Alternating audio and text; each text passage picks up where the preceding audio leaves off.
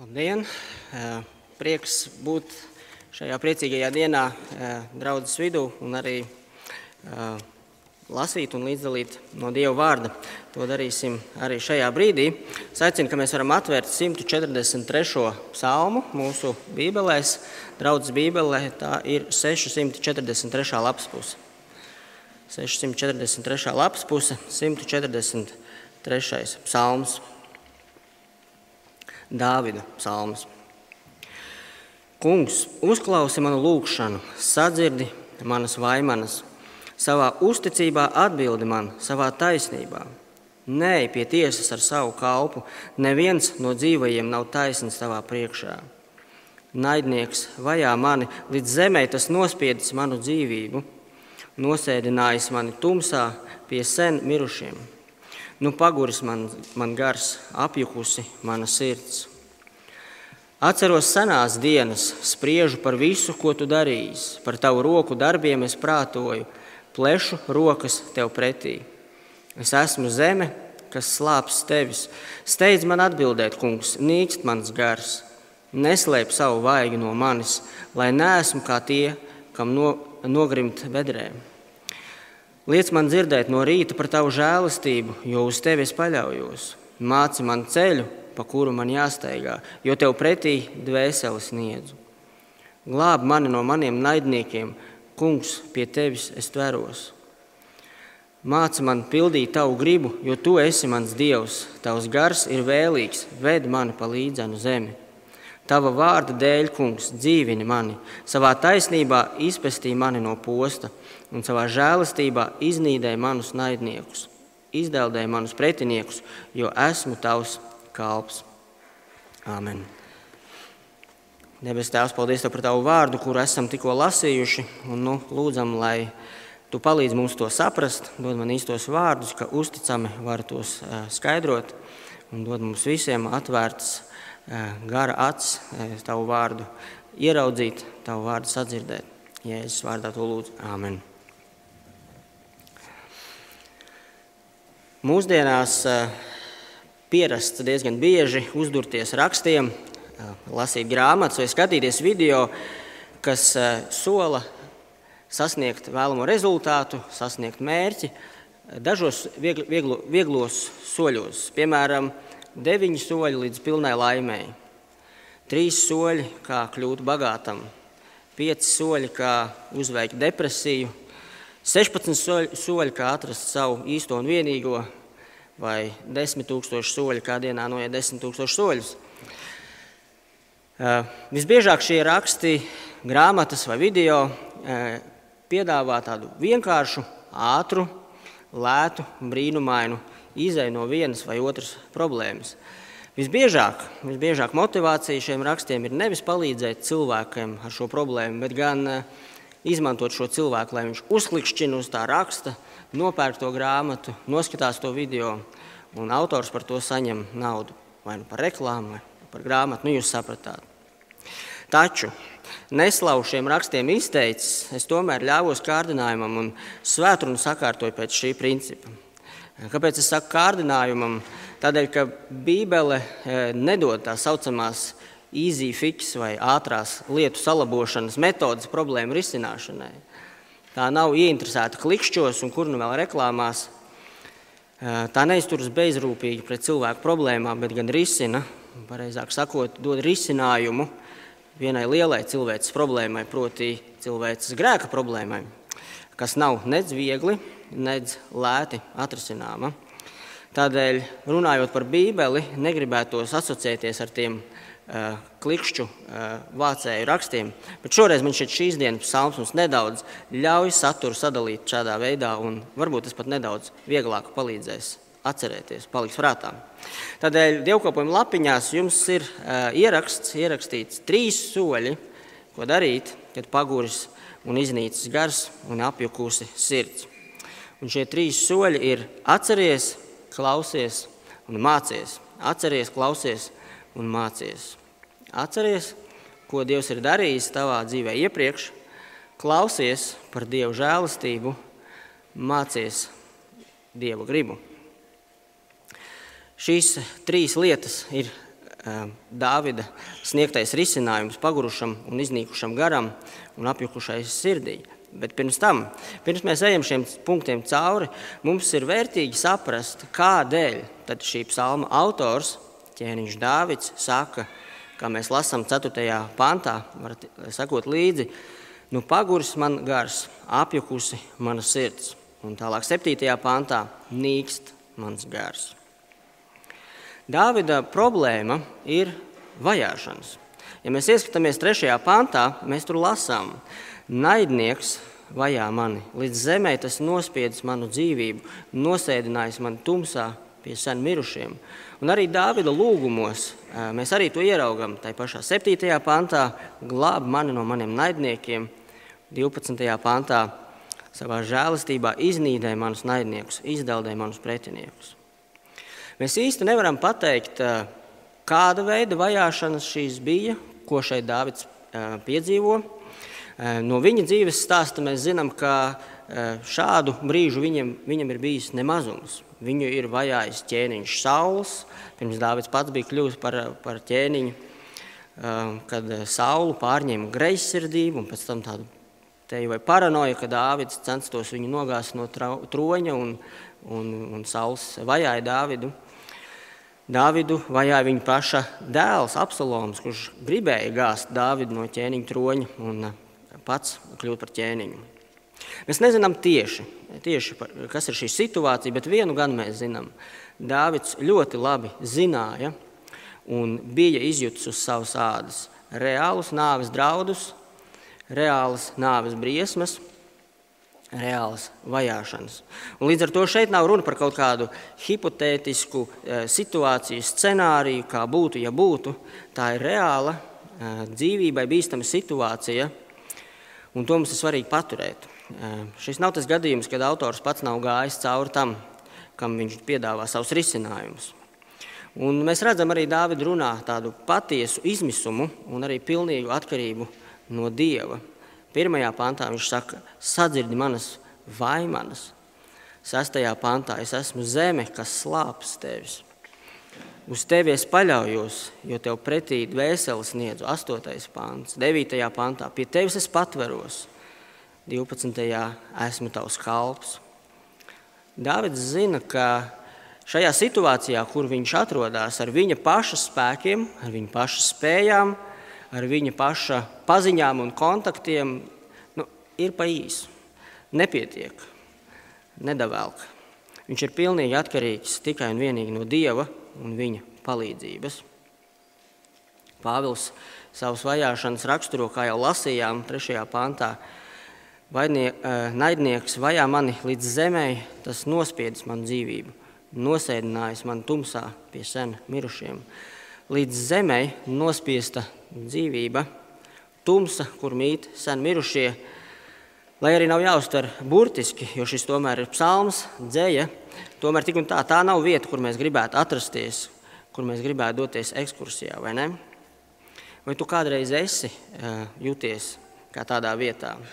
Es pieņemu, ka neviens no mums uh, visticamāk nebūs piedzīvojis nāves draudus, nāves briesmas tādā veidā kā Dāvids. Bet tas nenozīmē, ka šim psalmam nebūtu nekas sakāms mums.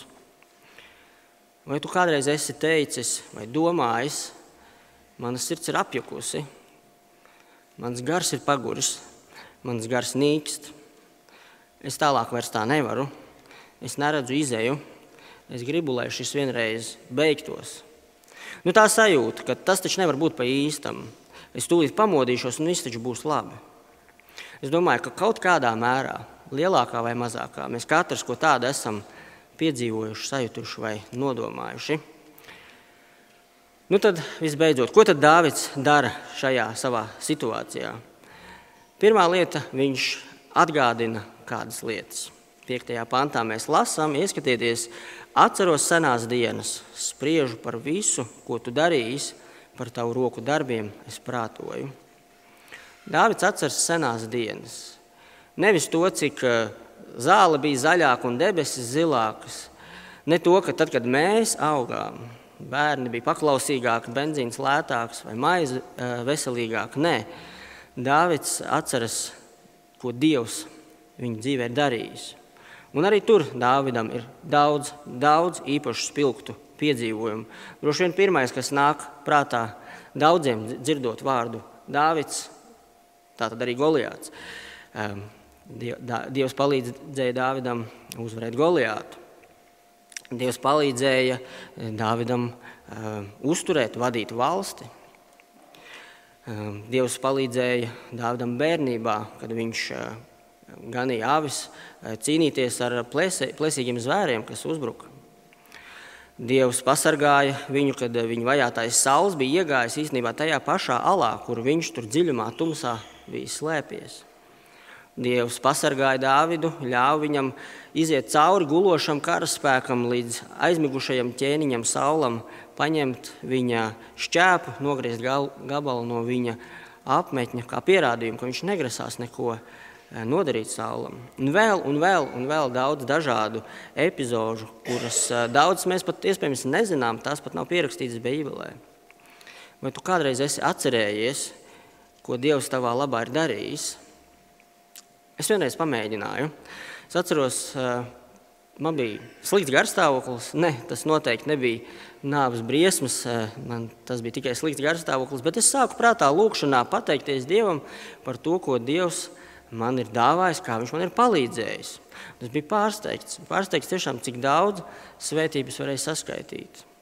Kur viņš pasargāja un uzturēja manu veselību, kur viņš bija pasargājis jā, arī manu dzīvību, kur viņš bija pasargājis mani no grēka, kur citādi pēc sava prāta es noteikti ar prieku būtu, eh, ko es būtu izdarījis tajā laikā, pirms Dievs man bija jebkāda autoritāte.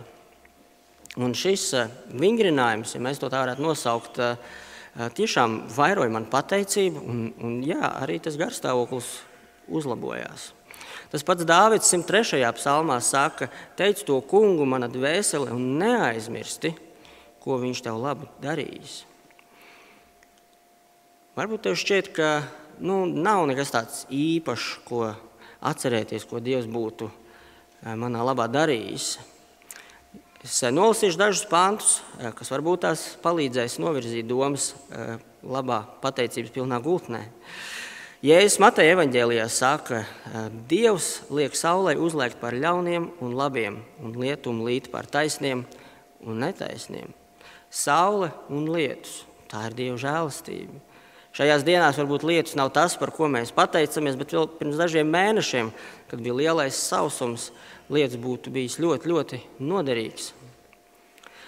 Apstuļu darbu 14. nodaļā mēs lasām līdzīgus vārdus. Dievs nepārstāja par sevi liecināt ar labiem darbiem, sūtīdams no debesīm lietu un ražas laiku, sagādādams jums barību un piepildīdams jūsu sirdis ar prieku. Par to, ka mums ir ko ēst, par to pienāks pateicība Dievam. Par to, ka mums dzīvēs notiek kaut kas priecīgs, par to pateicība pienāks Dievam. Dažas nodaļas vēlāk apstuļu darbos Pēteris sludina par, par Dievu sacīdams. Dievs pats dod visiem dzīvību, elpu un visu.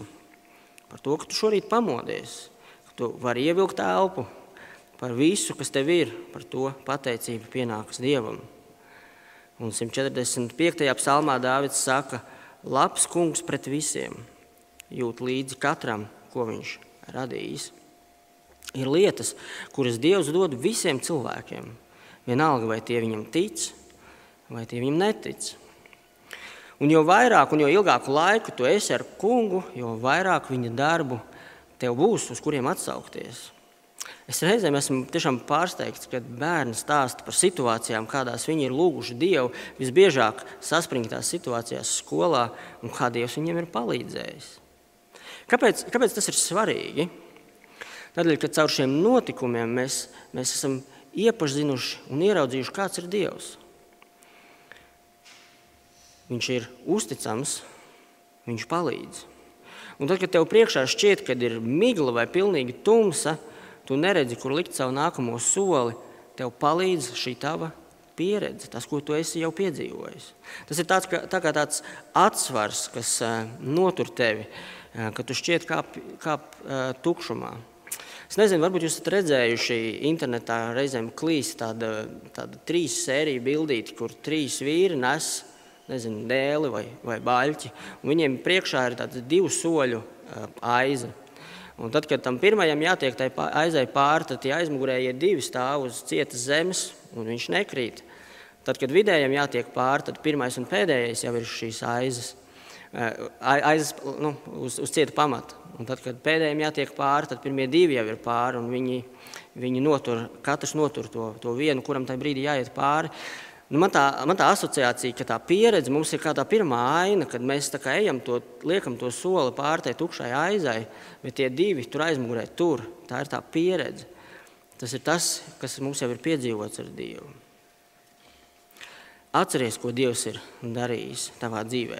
Pieraksti, ko Dievs ir darījis tavā dzīvē. Mēs ātri mēdzam lietas aizmirst. Tā ir, tā ir ļoti noderīga praksa. Galvenais - atceries. Tātad, pirmkārt, atceries. Bet otra lieta, ko Dārvids dara, kad viņš ir izmisumā, viņš klausās. Viņš klausās par Dieva žēlastību. Precīzāk, viņš lūdz, lai viņam tiek atgādināts par Dieva žēlastību. Ieskatieties, 8. pantā Dārvids saka, liec man dzirdēt no rīta par tavu žēlastību. Žēlastība, kā mēs arī jau šodien to vairāk kārt eh, par to domājām un dzirdējām, žēlastība ir, ir dāvana. Tā ir labestība, kuru mēs saņemam nepelnīti. Mēs, kristieši, runājam par dievu žēlastību. Tā ir dievu piedošana, dievu dotā piedošana par mūsu grēkiem. Tā mums tiek dota caur Jēzus Kristus bezvainīgā dieva dēla nāvi pie krusta kā samaksa par mūsu grēkiem. Tās avots ir Dieva mīlestība. Bet gluži kā mēs skatāmies atpakaļ uz Kristus nopelnu pirms 2000 gadiem, Tā vecās derības ļaudis, tā skaitā Dāvids, skatās uz to pašu notikumu nākotnē, ar cerību uz priekšu. Vecajā derībā ļaudis nezināja, kā tieši tas notiks, bet viņi zināja, ka tas notiks, jo Dievs to bija apsolījis. Dievs bija apsolījis, ka atrisinās cilvēka grēka problēmu, un tie, kas paļāvās uz šo apsolījumu, arī saņēma grēku piedošanu. Dāvids saka, liec man dzirdēt no rīta par tavu žēlastību. Dāvidam vajag dzirdēt ikdienas par to, ka Dievs ir žēlastības pilns. Citādi kāda gan ir viņa cerība? Viņš ir izmisumā. Viņam ar saviem resursiem nepietiek. Ja Dievs nav žēlīgs, tad Dāvidam vairs nav variantu - šachs un mats. Bet Dievs ir žēlastības pilns. Dāvids, lai arī netieši to atklāja šajā uh, psalmā, Ieskatīsimies psalma sākumā, pirmajā un otrajā pantā. Dāvids lūdz, kungs, uzklausi manu lūgšanu, sadzirdi manas vaimanas, savā uzticībā atbildi man savā taisnībā. Nē, pie tiesas ar savu kalpu, neviens no dzīvajiem nav taisnīgs tavā priekšā. Dāvids atzīst, ka neviens no dzīvajiem nav taisnīgs Dieva priekšā. Jā, arī Dāvids pats. Tātad taisnā Dieva priekšā neviens nevar nākt. Tādēļ arī viņš saka, nē, pie tiesas ar savu kalpu, ar viņu pašu, jo tur viņam nav izredzu. Un tomēr pirms tam Dāvids ir teicis, savā uzticībā atbildi man, savā taisnībā. Kā gan citādi netaisnais Dāvids var lūgt atbildi un palīdzību no taisnā Dieva, ja vien Dievs nav žēlstības pilns. Klausies, klausies par Dieva žēlastību. Un mēs varam ieraudzīt eh, zināmas paralēlas arī ar apakstulu Pāvilu. Arī viņam bija kādas problēmas, kas viņam ļoti, ļoti traucēja. Un viņš, protams, lūdza eh, Dieva palīdzību šīs lietas risināšanā. Mēs par to varam lasīt 2. vēstulē korintiešiem 12. nodaļā. Pāvils raksta, es trīs reizes esmu piesaucis kungu, lai sātana eņģelis no manis atstājas. Un kungs man sacīja, tev pietiek ar manu žēlastību. Mēs nezinām, kas ir tas sātana eņģelis. Varbūt veselības problēmas, varbūt kāds kārdinājums, varbūt vēl kaut kas cits. Ir bijuši dažādi minējumi, bet, lai kas tas būtu, Dieva atbilde ir žēlastība. Tev pietiek ar manu žēlastību. Pāvila gadījumā Dievs neatbrīvoja viņu no viņa problēmām. Psalms mums nepasaka, kas tieši notika ar Dāvida problēmu, vai Dievs atbrīvoja viņu vai nē. Tādēļ um, Dāvidam klausīties par Dieva žēlstību ir tik, tik vajadzīgi. Ja mums draudētu dzīves, dzīvības briesmas, mēs, ne, mēs nezinām, kā tas viss beig, beig, beigās iznāks. Var iznākt vienādi, var iznākt citādi, bet ja mēs zinām un atceramies, ka Dievs ir žēlīgs, mēs varam būt droši, ka abos gadījumos beigas būs labas, jo Dievs dod nepelnītu žēlastību caur Jēzu. Klausies par Dieva žēlastību. Un kur mēs klausāmies par Dieva žēlastību? Mēs klausāmies, protams, Dieva vārdā. Tur, tur, kur un tādā veidā, kādā Dievs pats ir vēlējies sev mums atklāt. Mēs klausāmies par Dieva žēlastību Dieva vārdā un uzticīgā Dieva vārda skaidrojumā. Um, daži, daži no ļoti, ļoti daudziem piemēriem, ko mēs varam lasīt. Dievs saka, otrajā mūzes grāmatā, es būšu žēlsirdīgs pret tiem, pret kuriem būšu žēlsirdīgs, un apžēlošos par tiem, par kuriem apžēlošos. Kungs, kungs, Dievs līdzcietīgs un žēlīgs, lēns dusmās un dāsns žēlastībā un patiesībā, kas uztur žēlastību pie tūkstošiem, piedod vainas, pārkāpumus un grēkus, bet neatstāja nesodītu. Pāvils raksta efeziešiem, žēlastībā jūs esat izglābti caur ticību. Tas nenāk no jums, tā ir Dieva dāvana. Un vēl daudz, daudz citas rakstu vietas. Liec man dzirdēt no rīta par tavu žēlastību. Atceries, klausies, un trešā lieta - mācies. Pavisam īsi. Mācies Dieva gribu. 8. un 10. pantā mēs lasām, Māci man ceļu, pa kuru man jāsteigā. Māci man pildīt tavu gribu. Pirmajā brīdī varētu šis nedaudz neloģisks vai nu, neprātīgs lūgums. Ja tev draudz dzīvības briesmas, kādēļ tu runā par mācīšanos? Mācīšanos dzīvot. Nu, vispirms izdzīvo, un tad mācies dzīvot. No vienas puses, no vienas puses tas varētu liecināt par paļāvību, Interesanti, ka piemēram angļu valodas ESV eh, e tulkojumā 12. pāns skan nevis kā lūgums, bet kā pārliecība. Un savā žēlastībā tu iznīdēsi manus naidniekus, izdeldēsi manus pretiniekus, jo es esmu tavs kalps. Latviešu valodā, lai gan, jaun, gan jaunais, gan, jau, eh, gan vecais tulkojums runā lūguma formā, tādēļ pie tā arī paliksim. Bet eh, to, ko mēs varam pateikt, šī vēlme dzīvot dieva, pēc Dieva prāta, liecina par tādu dzīves attieksmi, par tādu trajektoriju. Ja tev dzīvē ir kādas attiecības svarīgas, visticamāk, tu centīsies gādāt, lai šīs attiecības saglabājas, un tu labprāt gribēsi izpatikt otram cilvēkam. Klasisks piemērs. Nu, mēs vakar svinējām šeit e, kāzas. Klasisks piemērs - pirmā mīlestība. Skaidrs, ka tu gribi uh, uzzināt, iemācīties, kas otram patīk, kas garšo, kas iepriecina, un to arī dot. Un, attiecīgi, arī uzzināt, kas nepatīk, kas kaitina, un no tā izvairīties. Un šīs pirmās mīlestības laikā tas, tas nenākas smagi vai grūti. Tas sagādā prieku. Tu to dari ar baudu. Māci man ceļu, pa kuru man jāsteigā. Atceries, klausies, mācies. Un īstenībā neviena no šīm lietām nerunā par konkrēto Dāvida problēmu, vai ne? No vienas puses mēs varam teikt, nu, tā varbūt ir tāda fokusa noņemšana no problēmas. Tas, tas palīdz nedomāt par to un tad vieglāk pārdzīvot visas tās grūtības. Un savā ziņā jau tā arī ir, varbūt vismaz daļēji. Bet ja tas ir tikai par to, tad ir viena liela problēma. Un problēma ir tā, ka centrā joprojām paliek cilvēks pats. Mana problēma un mana, eh, mans meklējums eh, risinājumam. Kā man piečakarēt sistēmu, savu prātu, lai man ir vieglāk tikt ar to galā. Tipisks trīs soļi, lai tas un tas saturs. Bet Dāvids nerunā par psiholoģiskiem trikiem savu grūtību pārvarēšanai. Dāvids īstenībā runā par pilnīgu prioritāšu maiņu. Nevis tikai nomainām fokusu, lai problēmas vairs nav priekšplānā, bet gan nomainām pamatu, pamatu, uz kā mēs stāvam. Ar mani var notikt šis vai tas, man ir tāda vai šāda problēma, bet tu esi Dievs. Tu dari to, ko tu esi nolēmis, lai notiek, kas notikdams. Tikai lūdzu, neatstāji tu pats mani. Un tā, trīs soļi, ko darīt, kad pagurs un iznīcis gars un apjukusi sirds kļūst par īstenībā vienu soli, ja, ja jūs tā gribat, par savas dzīves kunga identificēšanu un, ja nepieciešams, nomaiņu. Krīzes situācijas, krīzes situācijas parāda, kas ir tavs pamatu pamats.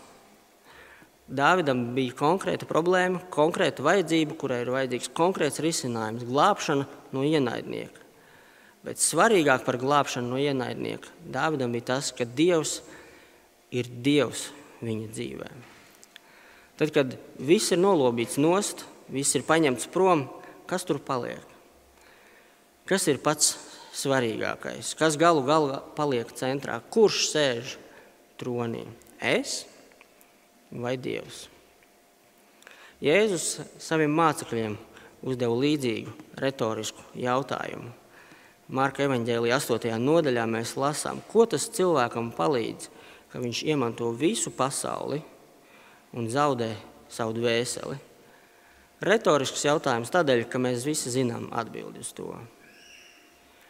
Ko tas cilvēkam palīdz, ka viņš iemanto visu pasauli un zaudē savu dvēseli?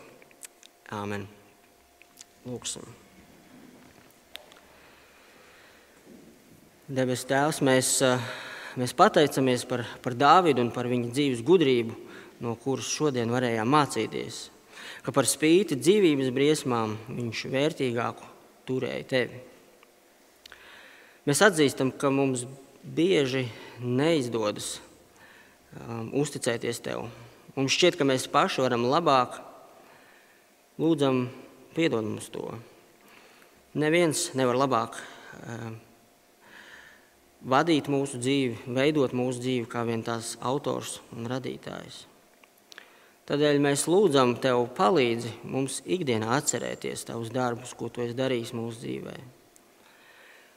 Ikdienas klausīties un neap, eh, neapnikt, nepagurt, klausoties par Tavu žēlastību. Un arī, kam varam mācīties staigāt pēc Tavas gribas, tā lai pagodinam Tevi apkārtējo vidū. Lai tad, kad nāks dzīves vētras, lai tajos brīžos mēs varam uzticēties Tev būt, eh, būt eh, nokāpuši no savas dzīves troņa būtu devuši to vietu tev, tam, kam tur arī pienāks atrasties. Jēzus vārdā. Āmen.